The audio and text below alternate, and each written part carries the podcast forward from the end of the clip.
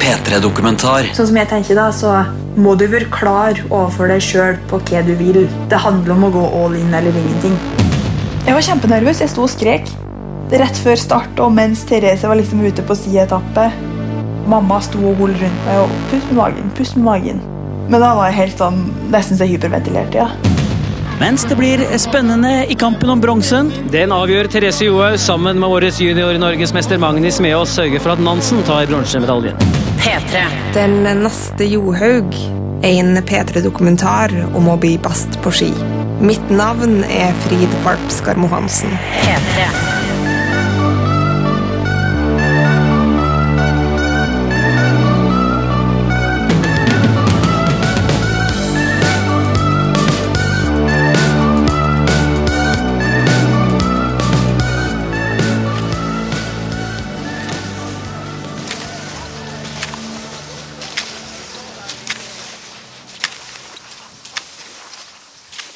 Et snørikt valg i fjemme. Med den beste konkurransen. Altså, jeg vil vinne når alle sammen er på startstrek og er klar for å gjøre sitt beste. Det er det ultimate VM-drømmen min. Jeg skulle jo gjerne ha sett at hun brukte den gamle løypa, da. Der du liksom får gått den skikkelige motbakken. Opp sprintbakken, kanskje. Opp sprintbakken, og så den flata. Eh, omtrent ja, litt før der Sundby rykka nå i Tour de Ski.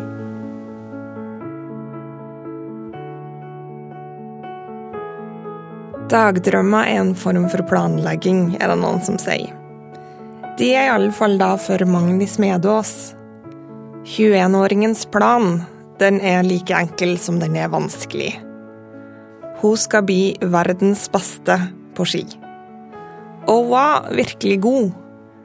Så god at avisene begynte å omtale henne som den neste Therese Johaug.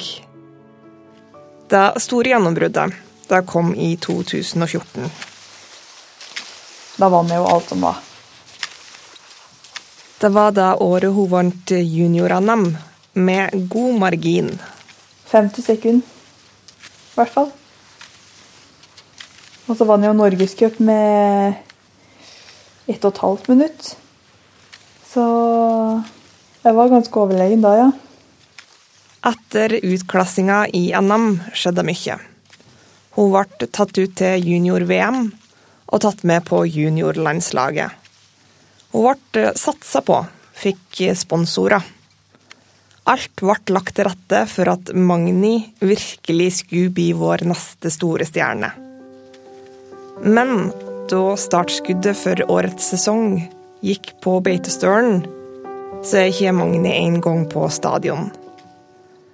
Og når verdenscupsirkuset starta i Finland i november i fjor, så hadde hun ikke engang hatt på seg skiene. Altså, jeg har slitt i tre år. Eh, Jeg har visst tenkt at jeg er langt dårligere enn det jeg en gang var. Det er mye som tyder på at jeg har hatt min periode. Altså, Jeg kommer ikke til å bli noe bedre nå. Jeg var, jeg var god som junior, det var det som var meninga for meg. Men Magni har ikke gitt opp. Når hun ser ski på TV, så tenker hun en gang er det der med.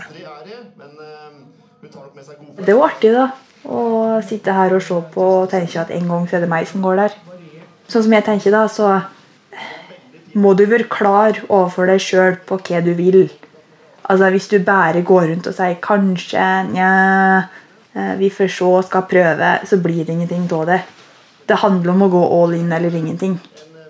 Vi sitter i en hjørnesofa på hybelen til Magni i utkanten av Meråker. Bygda hun flytta til som 15-åring pga. dens unike evne til å fostre store skistjerner. Og hun har bestemt seg. Denne sesongen skal hun tilbake. Tilbake til seg sjøl og følelsen hun kjenner bare når hun går godt på ski. Nå må jeg bare prøve å finne igjen godfølelsen. Det skal egentlig ganske mange gode økter til for å veie opp for en negativ. Det er ganske synd, men eh, sånn er det.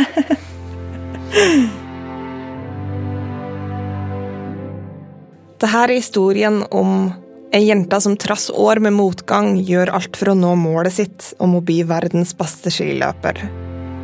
Om hva kampen mot det målet koster, fysisk og psykisk. Det er fortellinga om Magni som skulle bli, som fremdeles skal bli, den neste Therese Johaug. Sølvet går til Varden, Marte Kristoffersen og Katrine Harsem. Mens det blir spennende i kampen om bronsen. Den avgjør Therese Johaug sammen med vår junior-norgesmester Magnus Smeås sørger for at Nansen tar bronsemedalje. Gull til Bull. Men for at vi skal forstå Magnis kamp tilbake, må vi først snakke om da det gikk galt. Nedturen den starta med et fall på sykkel. Uten hjelm. Hodet da sprakk opp. Det er akkurat som om du tar en melon og hiver den i bakken. Magni viser fram et bilde av den sprukne skallen. Jeg innså ikke alvoret da før du hadde sydd meg opp og jeg fikk se bildene. I to uker etter fallet så sliter hun med hodepine. Så, når hun begynner å trene igjen, så blir hun overbelasta. Når skisesongen igjen begynner, så går hun et renn i Sverige og havner blant de tre siste. Det er noe hun aldri har opplevd før. Og like etter der igjen, så blir hun sjuk. Men så ble det bare tilbakefall på tilbakefall på tilbakefall. Og da skjønte jeg at ok, greit, ikke snakk om at jeg kommer i form sesongen her. I fjor holdt hun seg frisk gjennom sesongen. Men framgangen, den varer ikke. Etter sommeren så blir hun på nytt plaga. Og så ble jeg frisk igjen, så ble jeg sjuk igjen, så ble jeg frisk igjen, så ble jeg sjuk igjen, så ble jeg frisk igjen, og så ble det virus. Da skjønner Magni at hun bare kan glemme å delta på sesongstart på Beitostølen. Og da kjente jeg at jeg fikk et sånt slag i buken, egentlig. Det var Da tenkte jeg ok, så må viruset som jeg hadde for to år siden. Det viruset som ødela hele sesongen min.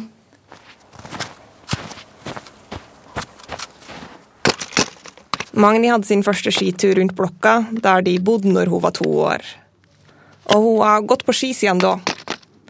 Ski, det har liksom vært da Magni er.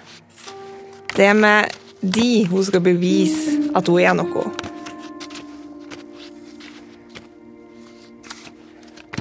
Jeg har vel ganske lenge, eller da jeg var lita, så var jeg ganske ensom og hadde ikke så veldig mange venner. Og følte at jeg ble veldig utestengt på barneskolen. Eh, men litt sånn er det jo overalt, sikkert. Så det var litt janteloven da, som har prega oppveksten min. At du skal ikke tro at du er bra nok.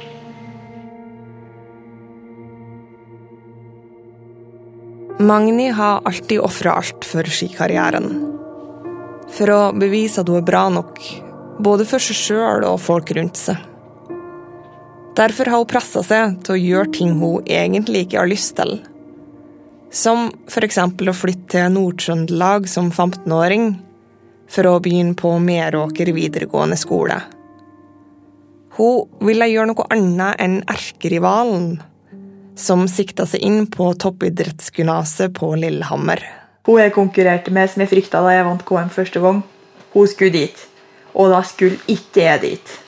Det var helt tydelig. Da skulle jeg gjøre det stikk motsatte. Jeg skulle ikke for og sørover, jeg skulle for og nordover. Hun fikk bli med på ei treningssamling på Meråker, året før det var snakk om at hun skulle begynne der. Og det er ikke noe hun husker tilbake på med glede. Jeg kjente jo ingen. Og det som var da jeg var lita, var at jeg var veldig veldig hjemkjær. Så det å være med på den samlinga var helt, helt for jævlig, mildt sagt. Under hele samlingsoppholdet så var jeg var jo med på treningene og sånn, og åt mat, men ellers lå jeg i senga og skrek. Jeg hadde så hjemlengsel. Og jeg hadde det så fælt. Men det var noen av de øktene der som var så harde, og de var så artige å være med på. da. Og miljøet var såpass bra. Og jeg snakka litt med trenerne og skjønte at de var veldig flinke òg. Og da bestemte jeg meg for at jeg skulle flytte nordover. Og eh, da jeg kom, eh, kom, på videregående, så ble trenerne, langrennstrenerne overraska, mildt sagt sjokkert da, over at jeg kom igjen. For de huska ikke fælt jeg hadde hatt det på den samlinga. Vil du bli best på ski, så er Meråker videregående utvilsomt sted å være. Og når du kommer inn her, da, så vil du se at her har vi en liten sånn skrytevegg. da. Så når du kommer inn her, så vil du se noen av dem som har gått her på videregående og på Nord universitet. Når rektor Bjørg Kvanli viser rundt på skolen, så er en tur innom skryteveggen obligatorisk. De er jo noen av de siste. Ellers så er jo Marte har jo kommet godt tilbake nå. Petter Til sammen er 147 medaljevinnere tilknytta skolen.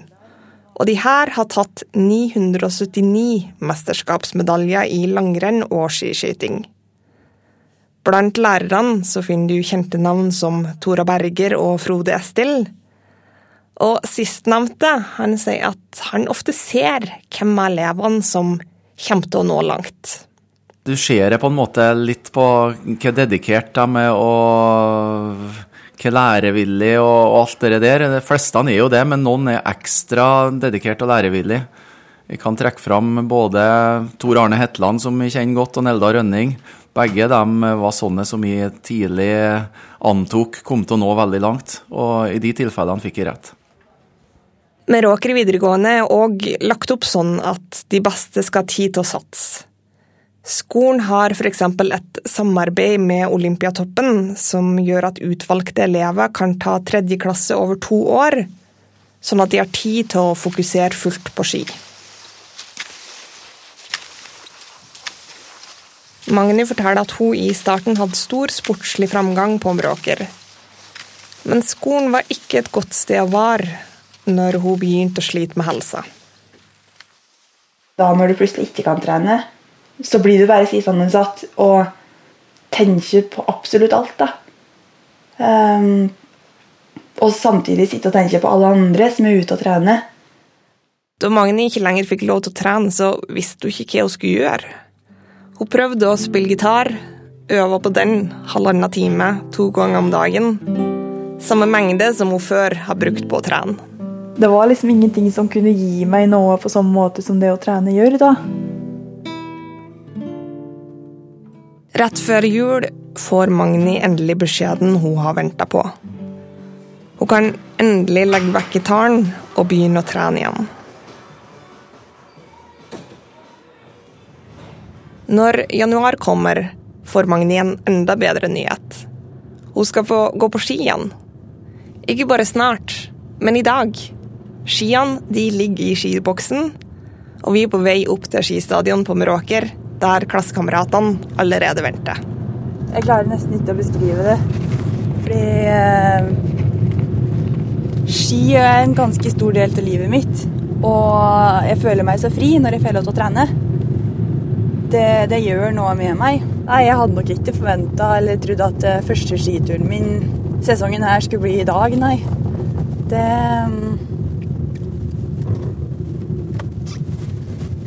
Ja. Jeg hadde trodd den skulle komme i oktober, da de begynte å legge snø. Så da får vi bare springe inn på møtet, da. Hele ansiktet til Magni lyser når hun går for å møte trenere og klassekamerater. Beklager. Hei, du! Hei! Når Magni kommer inn, så står trener Per Øyvind Torvik og snakker om treningsfokus fram mot NM. Jeg bruker å si at hvis dere går ut nå og så går og kjenner etter hvordan formen er, så går dere for fort. Altså én volum, to intensiteten, at den blir, blir, kommer ned på et riktig nivå. Ok? Noen spørsmål da før vi går ut på ski? Hei. Hei. Hvordan er det med deg? Det går bra. Det går bra? Ja, veldig bra. Etter en liten peptalk er det tid for å komme seg ut og gå på ski. Jeg satser på dårlig feste i dag. Jeg er litt usikker når vi skal helt opp på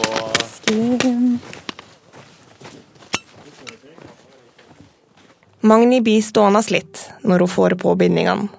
Så kikker hun opp i retning skisporene og forsvinner innover.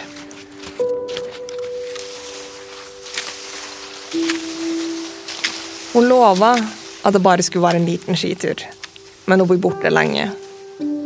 Sjøl om hun har fått beskjed av legen om å ta det med ro, så har hun allikevel satt som mål om å få gode resultater i NM, som bare er tre uker unna.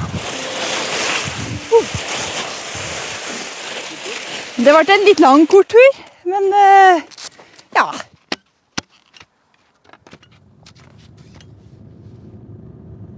Vi sitter i bilen på vei tilbake fra trening. Magni forteller at vennene fra skimiljøet på Meråker har betydd mye. Særlig i de årene hun har slitt med helsa.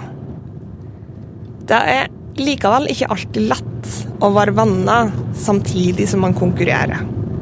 Sånn for min del så har jeg jo hatt et par stykk som vi starta å være ganske gode venninner, eh, og så begynte vi å konkurrere. Og ble liksom konkurrenter på alt. Vi skulle være best på skolen, vi skulle være best eh, hjemme på hybelen, vi skulle legge oss tidligst. Det var litt sånn jeg og hun, da. Skikkelig intens kamp. Um, som endte med at vi til slutt vi slutta å snakke sammen, da. Det høres så voldsomt ut å satt ski foran vannskap. Men tilbake på hybelen på Meråker forklarer Magni at hun aldri hatt et stort sosialt behov, og at det nok er en fordel når man skal satse på ski. Jeg ser for meg at det må være vanskeligere for dem som har et sterkt sosialt behov, og som derfor ser seg nødt til å enten måtte være her, da, mellom å satse eller å være sosial.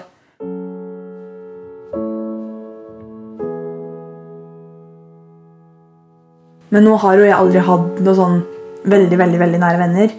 Jeg har egentlig mer vært en sånn person som Ok, jeg har jo venner, men jeg trives veldig godt i eget selskap. da. Så derfor så har jeg egentlig ikke vært så mye sosial som jenter ellers på min alder kanskje er, da. Ved alle veiskiller i livet har Magni valgt langrenn. Egentlig velger hun langrenn hver dag, i alle valg hun tar. Mat, hvile, trening, sosialt liv. Alle de små valgene handler om å yte best mulig på ski. På magen så har hun til og med kobla til en såkalt overskuddsmåler, der hun kan lese puls, søvnkvalitet og stressnivå.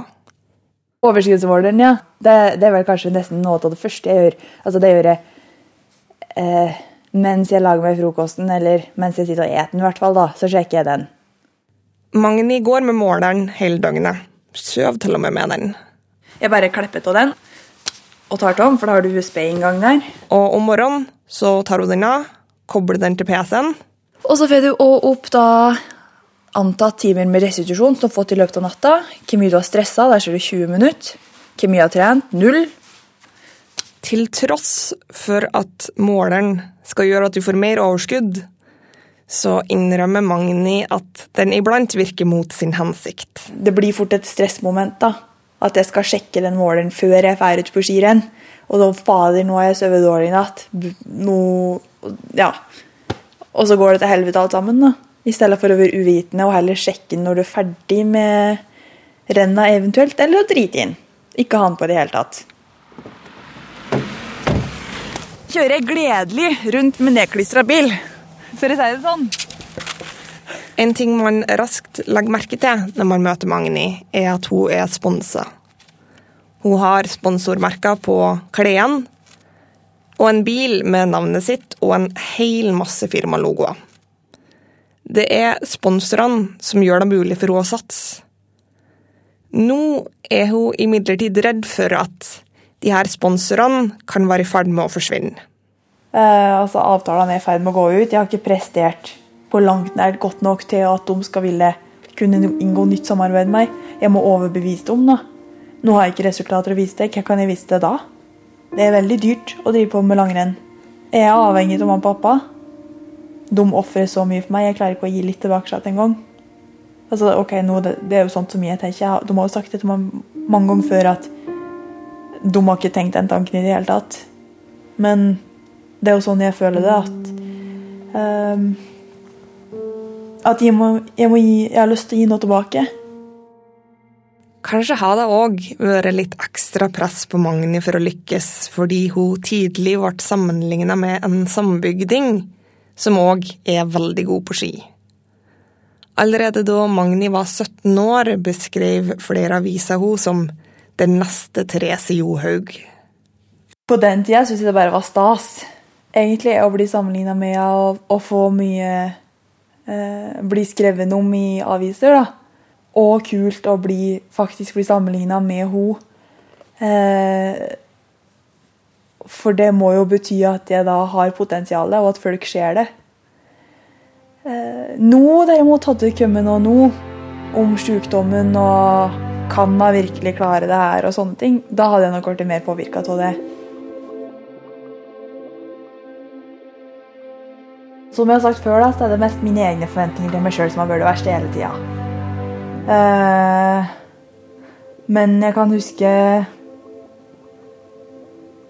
sprintstafetten med Therese oppå Gålå i 2014. Da var det litt sånn, for da sto Fischer der og smurte skia hennes. Eh, Foreldra hennes sto rett attmed, og eh, smøreren min sto der og var helt fortvila. Prøvde å få skia mine til å bli like bra som hennes.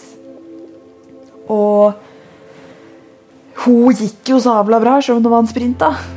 Eh, så jeg hadde, og jeg gikk ganske dårlig på de første tre, eller på kvalifiseringa, for jeg ramla og var skikkelig nervøs. Eh, nervøs fordi jeg skulle gå sammen med henne, nervøs for at det var NM i sprintstafett. Det var ganske stort, det var seniornivå, jeg var fortsatt junior. Først ut var eh, damene. Favoritter var Folk fra bygda hadde kommet for å se på. Strålende forhold på Gårdøy i dag. Sol, krevende sprintløype som skilte de beste fra de nest beste. Jeg var kjempenervøs, jeg sto og skrek. Rett før start og mens Therese var liksom ute på si etappe mellom semifinalen og finalen. Så mamma sto og holdt rundt meg og pust med magen, pust med magen. Det her går fint. Slapp av. altså Det eneste du skal gjøre, er å gjøre jobben din. Det er ikke noe mer som forventes av deg. Men da var helt sånn nesten så hyperventilert, ja. Husker jeg. Men så gikk det jo bra til slutt, da. Vi ble jo nummer tre, så vi innfridde jo skikkelig. Mens det blir spennende i kampen om bronsen. Den avgjør Therese Johaug sammen med årets junior norgesmester Magnus Meås sørger for at Nansen tar bronsemedaljen.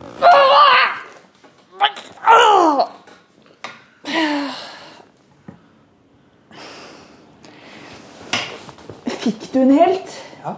Sikker på det? Ja, for den sitter på nummer to. Han var mye ømmere da du bare kjente på Ja, den i starten. fordi den er overladisk. Det har vært februar, og Magni er hos fysioterapeuten på Lillehammer. Hun har akkurat gått sitt første renn igjen, i Norgescupen.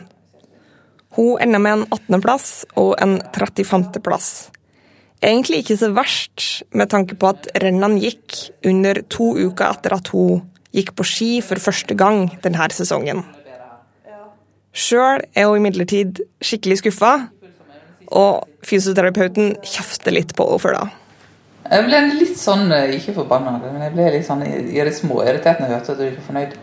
Se, du må se det store bildet. Ja. Det var kanon. Du har ikke konkurrert og virus og alt dette her i kroppen. Mm. Vi får se når det setter, da.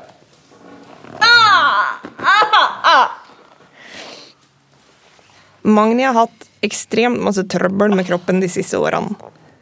Men ifølge fysioterapeut Synnøve er det slettes ikke uvanlig. Overgangen til å bli seniorutøver er nemlig svært hard for mange. Det er ekstremt få som klarer den overgangen. Ehm, fordi ambisjonene er til stede. Og så er det den mangelen på egentlig å forstå kroppens signaler som gjør at folk pusher seg litt mer. Forventninger fra trener, forventninger fra foreldre.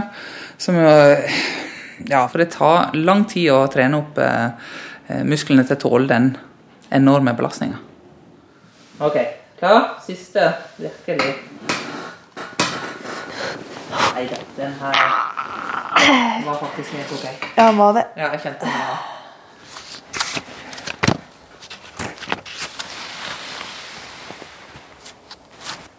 Det er nå nesten nøyaktig tre år siden Magni sitt seniorgjennombrudd, 17.-plassen i NM.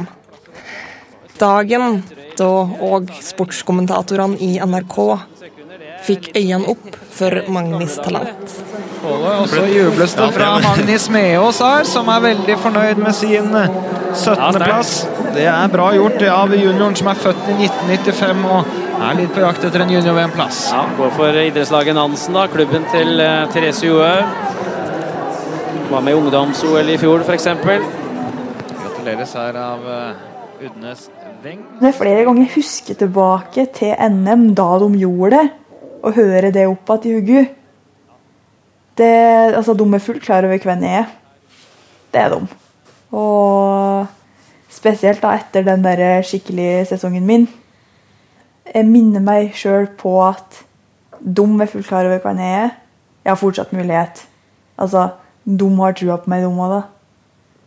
Etter den dårlige opplevelsen nå sist i Norgescupen har Magni valgt å tenke helt annerledes med det siste løpet før NM. Hun har peka seg ut et renn som hun ikke har gått på fem år. Kretsmesterskapet. Et renn ifra ei anna tid, da smøreren var pappa, og den eneste sekundanten var mamma. Kanskje kan et skritt tilbake denne gangen være et skritt i riktig retning. Der ting ikke var så seriøst på en måte som det det er nå. Men det blir ikke nødvendigvis en lett seier. Sjøl om det bare er fem påmeldte i seniorklassen, er det ett kjent navn der. Det navnet som gjorde at Magni valgte å reise til Meråker i utgangspunktet. Erkefienden fra ungdomsskoletida. Anna Emilie Kant. Allerede under da første KM Magni var med på, visste hun at det var Anna Emilie som det kom til å bli vanskeligst å slå. Eh, Det der er hun jeg alltid har konkurrert med i KM. Så, og hun slo meg i helga på, den fem eller på den klassisken. Og i og med at det er fem kilometer, det er ikke så langt. Så jeg skal gå relativt hardt over. Men eh, i, i og med at det er en fellesstart òg, så kan det bli tøft. Så det som må skje, er at jeg rykker, da. Drar ifra, rett og slett. Åpner knallhardt og heller hele veien.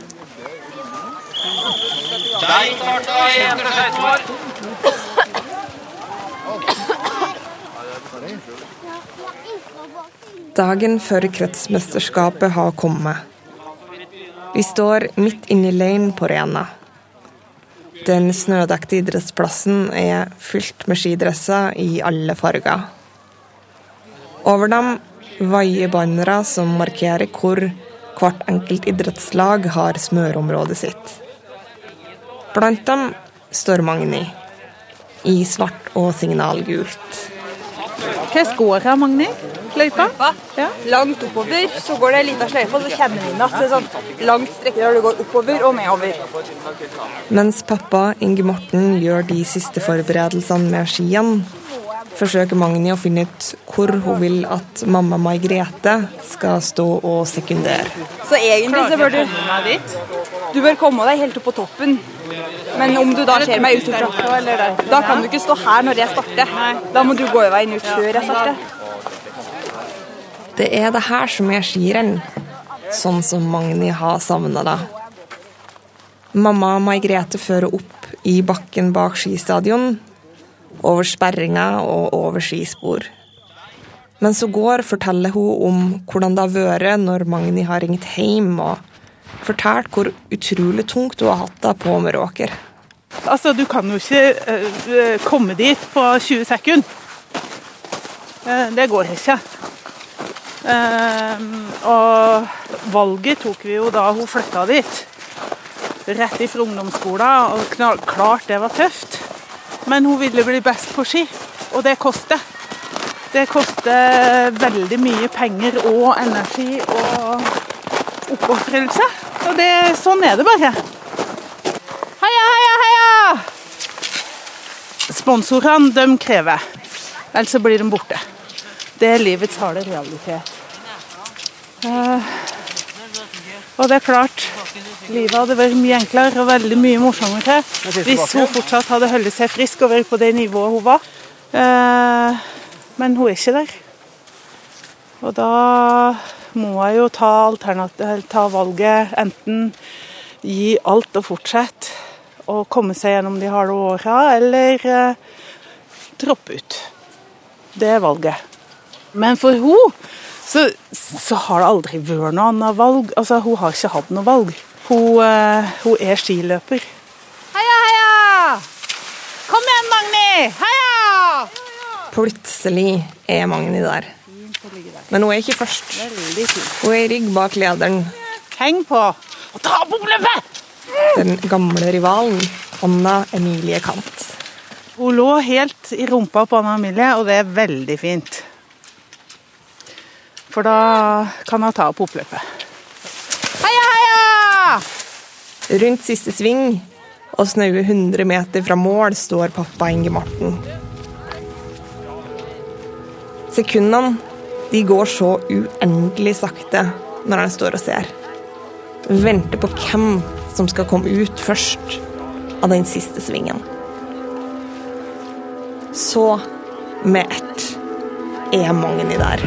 Nå må vi ta inn Magnus med oss! Ja, ja, ja! Ja, det bra, Magni! Kjør på! Helt inn nå! Kom igjen! Kjør på! Ja, ja! Emilie Kant og inne der. Magni, gratulerer med kretsmesterskap og nummer to til Anna Emilie Kant. Klarte det.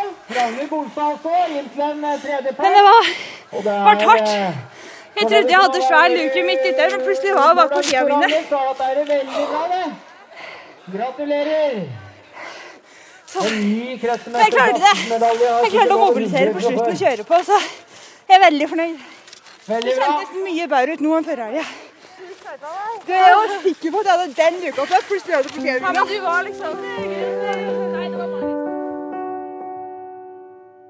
Magni vil bli best, men kanskje er det noe annet enn gullet hun jager etter. Kanskje handler det mer om å finne igjen en følelse. Kjenne at hun får ting til, er på rett plass og vise hva hun er god for. Det er det som er viktig, ikke å skulle bli den neste Therese Johaug. Helt siden jeg ble sjuk den første gangen for to år siden, så har jeg liksom ikke hatt den derre rå følelsen av at jeg er meg sjøl. Ikke den som jeg hadde. Og det er den jeg har gått og lett etter, da. Og som jeg fortsatt leter etter. For den følelsen, den gir meg svar. Eh, Den bekrefter at eh, At jeg ikke gjør noe dumt når jeg velger å satse på det her. At det er verdt det, rett og slett.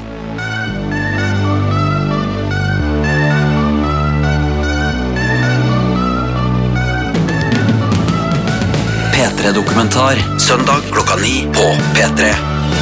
Se, les og lytt mer om denne historien når du vil på p3.no.